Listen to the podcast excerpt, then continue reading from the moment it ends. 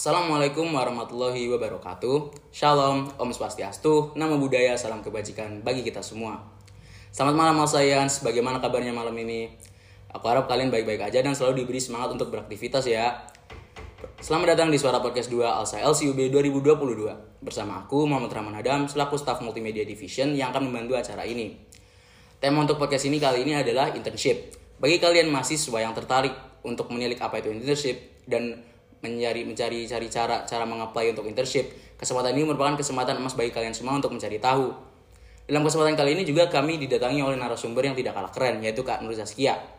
Kak Zaskia merupakan mantan Vice President of External Affairs ALSA National Chapter 2021 dan memiliki beberapa pengalaman dalam magang di beberapa instansi.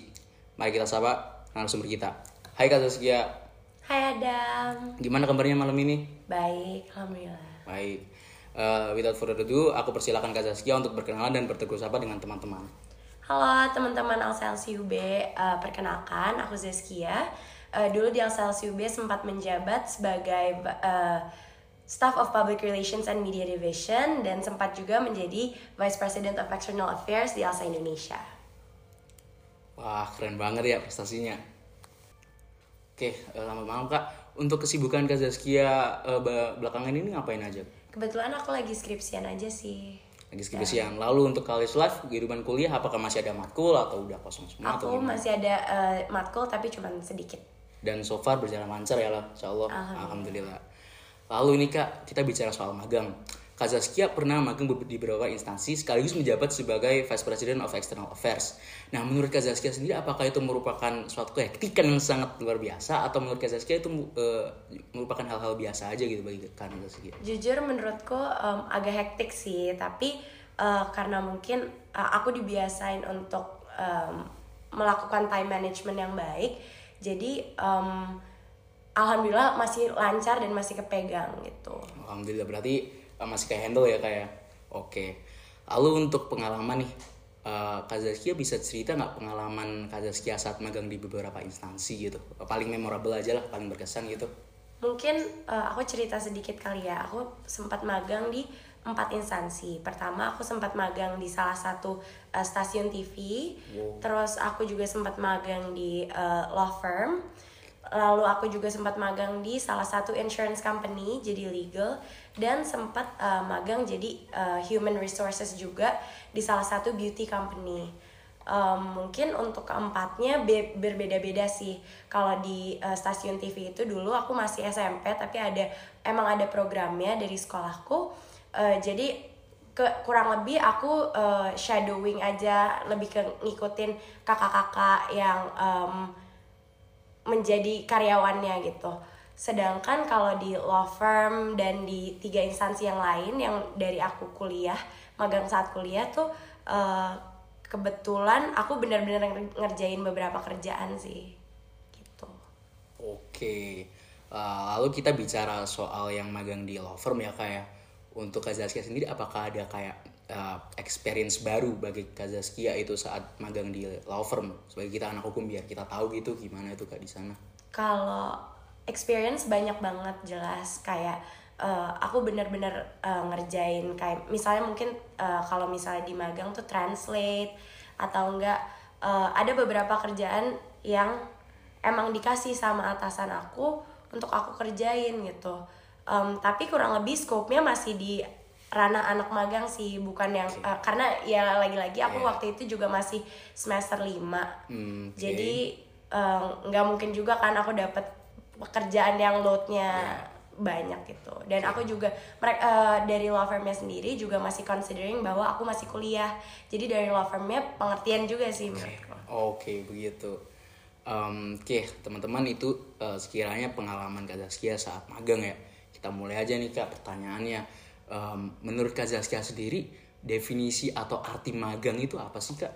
kalau dari aku mungkin magang tuh s- mungkin seperti namanya praktik kerja lapangan. Jadi lebih ke eh, praktik eh, kita bekerja di lapangan yang emang kita pelajari saat mungkin kuliah atau eh, sekolah dulu gitu. Jadi eh, lebih ke experiencing kerja di ranah kita gitu sih Oke baik, jadi kayak magang itu kita tuh sebagai mahasiswa uh, mencoba untuk mencari experience baru akan pekerjaan yang, yang nantinya akan kita uh, jalani gitu ya kak ya. Oke, lalu untuk pertanyaan kedua nih kak, apakah ada waktu tertentu nih bagi seorang mahasiswa untuk bisa magang gitu?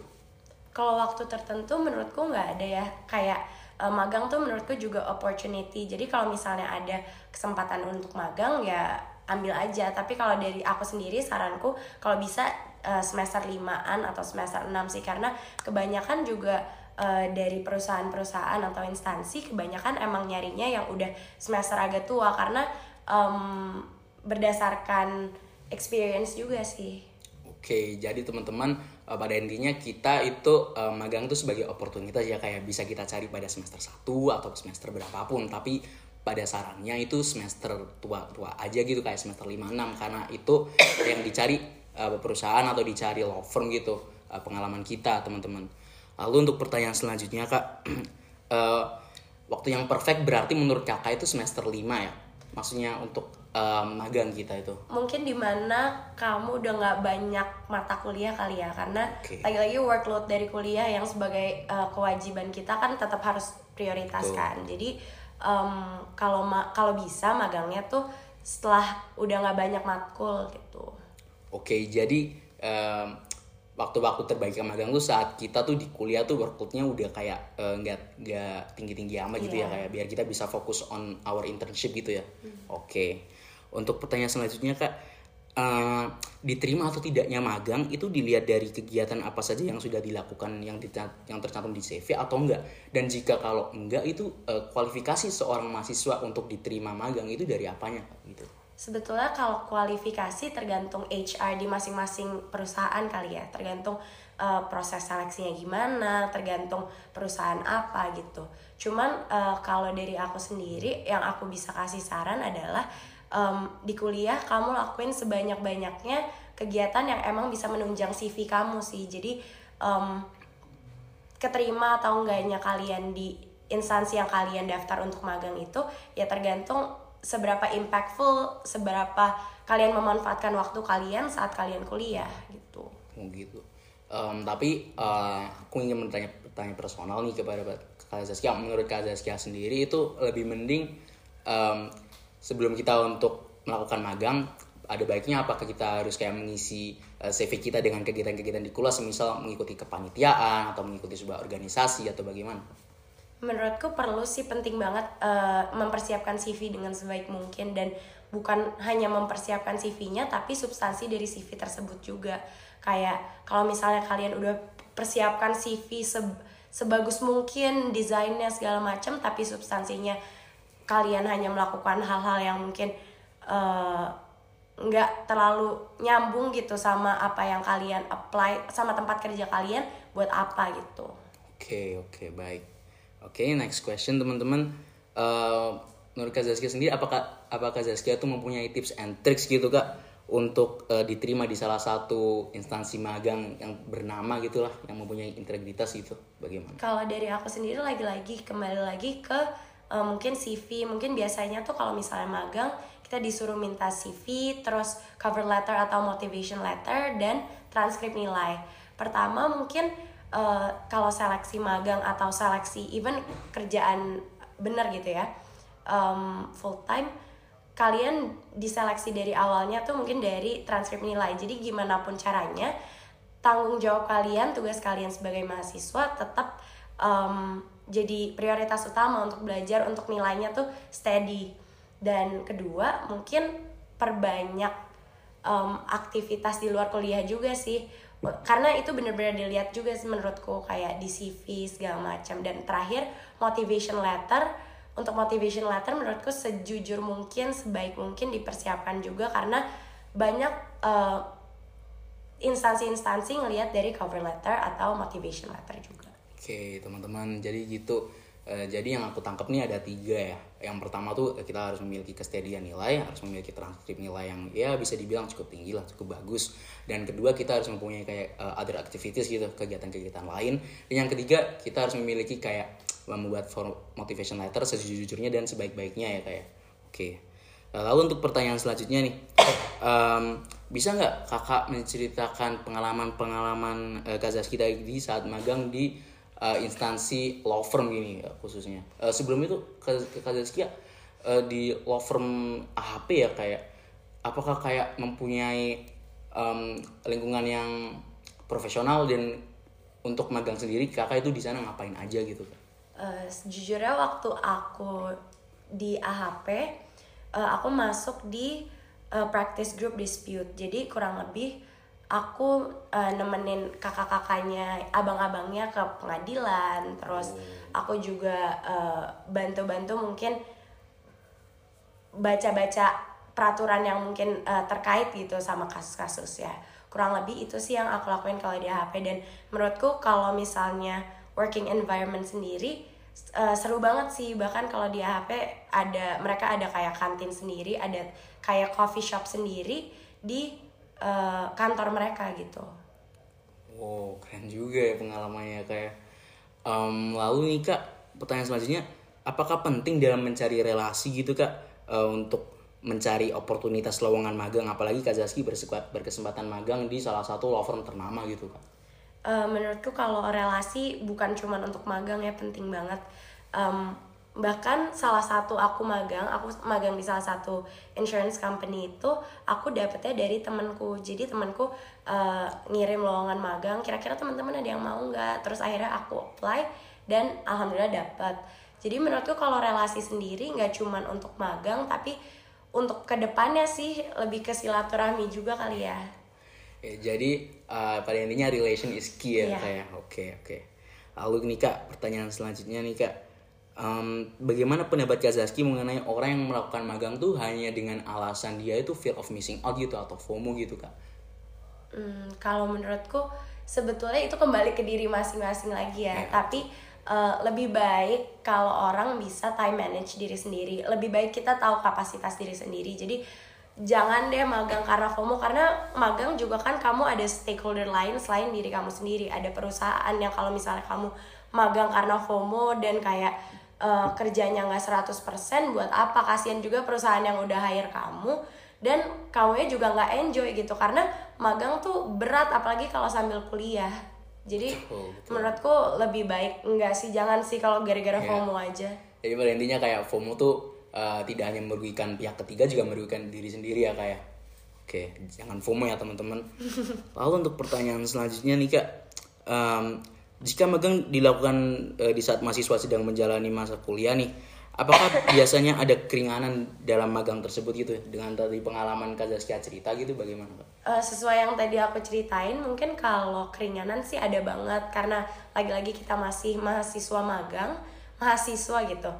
Uh, jadi kita dikasih kerjaan yang benar-benar sesuai workload sesuai load mahasiswa. Jadi nggak over capacity juga kalau dari aku sih di beberapa instansi yang aku sempat uh, aku magang nggak um, ada yang over capacity sih jadi pada intinya uh, instansi kita nih yang kita uh, jalani magang di sana tuh uh, intinya pengertian juga yeah, tahu ya yeah. kalau kita tuh mahasiswa dan kita mempunyai workload di luar magang itu sendiri yeah. dan kita juga di situ kan untuk belajar kan jadi mereka juga ngerti bahwa kita emang belum expert dan magang tuh menurutku tempatnya kita belajar beneran kayak kita bisa salah segala macam tuh masih bisa gitu. Oh gitu, interesting interesting. Terus untuk pertanyaan selanjutnya nih kak, um, rate seberapa pentingnya magang di saat menjalani masa kuliah gitu kak? Menurutku 10 out of 10 mungkin penting banget karena lagi-lagi itu merupakan praktik kita uh, bekerja nanti di magang tuh kita nggak cuma belajar kerja tapi kita belajar untuk ada di working environment yang uh, mungkin kita bisa suka sama tem teman kerja kita atau kita bisa nggak suka juga tetap harus kerja gitu kita belajar ada di working environment aja jadi menurutku penting banget untuk uh, magang di suatu instansi. Jadi intinya kayak magang tuh sebagai one big stepping stone yeah. for uh, kita mahasiswa gitu ya kayak keren keren. keren. Lalu uh, pertanyaan selanjutnya kak uh, tips ini tips dari Kazaski mengenai bagaimana cara memilih tempat magang yang uh, sesuai kriteria kita nih kak uh, berhubungan dengan Kak Zaskia uh, pernah berpengalaman magang di empat instansi gitu. Bagaimana Kak Zaskia memilih empat instansi itu sebagai tujuan Kak Zaskia begitu? Menurutku kalau aku sendiri aku tuh coba magang di empat instansi itu karena aku mau coba uh, karir yang berbeda-beda gitu dan nanti untuk akhirnya ke depannya aku bisa milih salah satu dari empat itu tuh aku kira-kira maunya apa. Karena pertama aku coba di law firm. Kedua aku coba di stasiun TV untuk kayak jadi jurnalis. Mungkin masih ada hubungannya oh, kali ya sama betul. hukum. Terus uh, aku juga coba jadi legal di suatu company. Dan aku juga uh, coba menjadi HR yang masih berhubungan dengan legal di suatu company juga. Menurutku um, sangat penting sih untuk mendapat experience dari keempat itu biar kita ke depannya tahu kita mau apa gitu. Jadi pada intinya gitu untuk memilih magang kita tempatnya akan di mana kita harus mengetahui tujuan kita apa, dulu itu apa tujuan kita, kita iya. Oke. Okay. Know the why of what why know the why know, of what you're doing. Know the way of what you're yeah. doing gitu. Oke, okay, teman-teman. Lalu selanjutnya nih Kak. Um, jika di saat Kak Zaski sedang magang nih Kak, tetapi uh, pada waktu yang sama kegiatan di kampus sedang bentrok apa yang dilakukan Kak Zaski. Di luar dari kampus coba kegiatan Kak Zaski saat beralsa gitu, apalagi saat sedang di national chapters gitu. Itu bagaimana ceritanya Kak? Mungkin uh, ini privilege buat aku juga ya karena aku on online oh, waktu iya. uh, kebanyakan online lah kegiatannya dan uh, kuliah juga online jadi uh, agak lebih gampang gitu ngatur waktunya pertama waktu aku magang kemarin uh, aku tuh lebih kayak set priorities. Jadi kalau misalnya ada yang perlu aku kerjain uh, misalnya kerjaan-kerjaan aku kerjain duluan. Terus kalau misalnya ada um, kuliah atau ada tugas alsa gitu aku izin ke atasanku. Tapi make sure aku udah ngerjain tugas kerjaan aku juga. Jadi aku selalu submit. Jadi setiap aku dapat kerjaan aku selalu langsung submit gitu. Oke jadi uh, pada intinya saat masih menjabat sebagai NB itu uh, pandemi itu one big relief gitu ya kak. Jadi kita bisa multitasking ke mana-mana gitu kan masian ya. Oke keren. Tapi uh, untuk sekarang nih kak post pandemik nih apakah kak Zaskia masih uh, apakah mempunyai saran gitu? Apakah boleh gitu uh, untuk orang itu saat menjabat suatu jabatan yang penting dia tuh uh, merangkap gitu kayak dia bekerja di instansi lain magang di instansi lain untuk uh, masa sekarang post pandemi gitu. Gimana? Mungkin menurutku kembali ke orang yang masing-masing tahu capacity lagi kali ya. Karena kalau dari aku sendiri mungkin kalau misalnya uh, post pandemic ini aku tetap masih mau memanfaatkan waktuku untuk magang. Tapi uh, mungkin ada juga yang prefer untuk kuliah aja atau magang aja tanpa kuliah gitu. Kembali lagi sih kalau itu ke diri masing-masing. Yang penting tahu capacity dan ngelakuin semuanya tuh menurutku dengan uh, eh, 100% gitu Oke, jadi pada intinya pada diri sendiri ya. Kalian harus tahu kapabilitas kalian sendiri tuh. Jangan over dan jangan under gitu, teman-teman. Lalu nih Kak, um, pertanyaan selanjutnya. Uh, apakah magang yang diikuti Kazaski itu bersifat paid atau not paid gitu unpaid gitu kan uh, di empat instansi gitu yeah. atau berbeda-beda gitu? Mungkin kalau di empat instansi satu instansinya aku not paid karena aku waktu itu masih siswa juga. Waktu okay. aku yang aku bilang masih SMP itu. Tapi tiganya sisanya paid sih. Tiganya paid. Oh dan untuk pengalaman yang di unpaid itu apakah uh, worth it itu apakah sama gitu dengan workloadnya atau dengan experience-nya tuh gimana Pak? Menurutku worth it banget sih lagi-lagi kalau aku magang untuk belajar lagi juga ya dan um, karena waktu itu aku juga belum dapat kerjaan yang gimana-gimana jadi menurutku sangat worth it untuk belajar aja. Oke, itu dari jadi dari uh, setelah pembahasan kita nih yang aku dapat tarik ya kak kita tuh udah kayak uh, mengeksplor pengalaman Kazaskia lalu mengeksplor bagaimana waktu yang tepat bagi mahasiswa untuk magang lalu uh, kriteria bagi orang magang itu gimana apa yang harus kita akomodir gitu. Uh, eh, CV CV kita mungkin atau motivation motivation letter kita atau banyaknya acara-acara yang kita ikuti untuk menjadikan uh, bahan batu uji untuk di uh, magang tersebut gitu kak. Ah nih. Oh iya teman-teman tidak sadar ya kita ya kita udah dari penghujung acara untuk Kak Zaskia nih, Kak Zaskia aku berikan waktu untuk memberikan closing statement ke teman-teman nih Kak. Oke, mungkin halo teman-teman LCLC UB.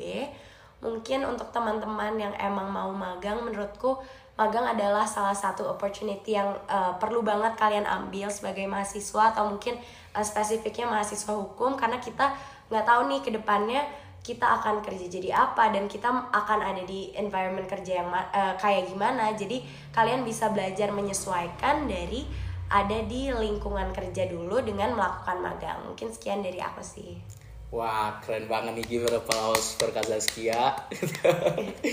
Oke, eh, teman-teman eh, jangan lupa ikuti suara podcast selanjutnya dan pertama-tama nih aku mau berterima kasih dengan Kazaskia karena sudah ingin menjadi narasumber dalam podcast ini ya kayak.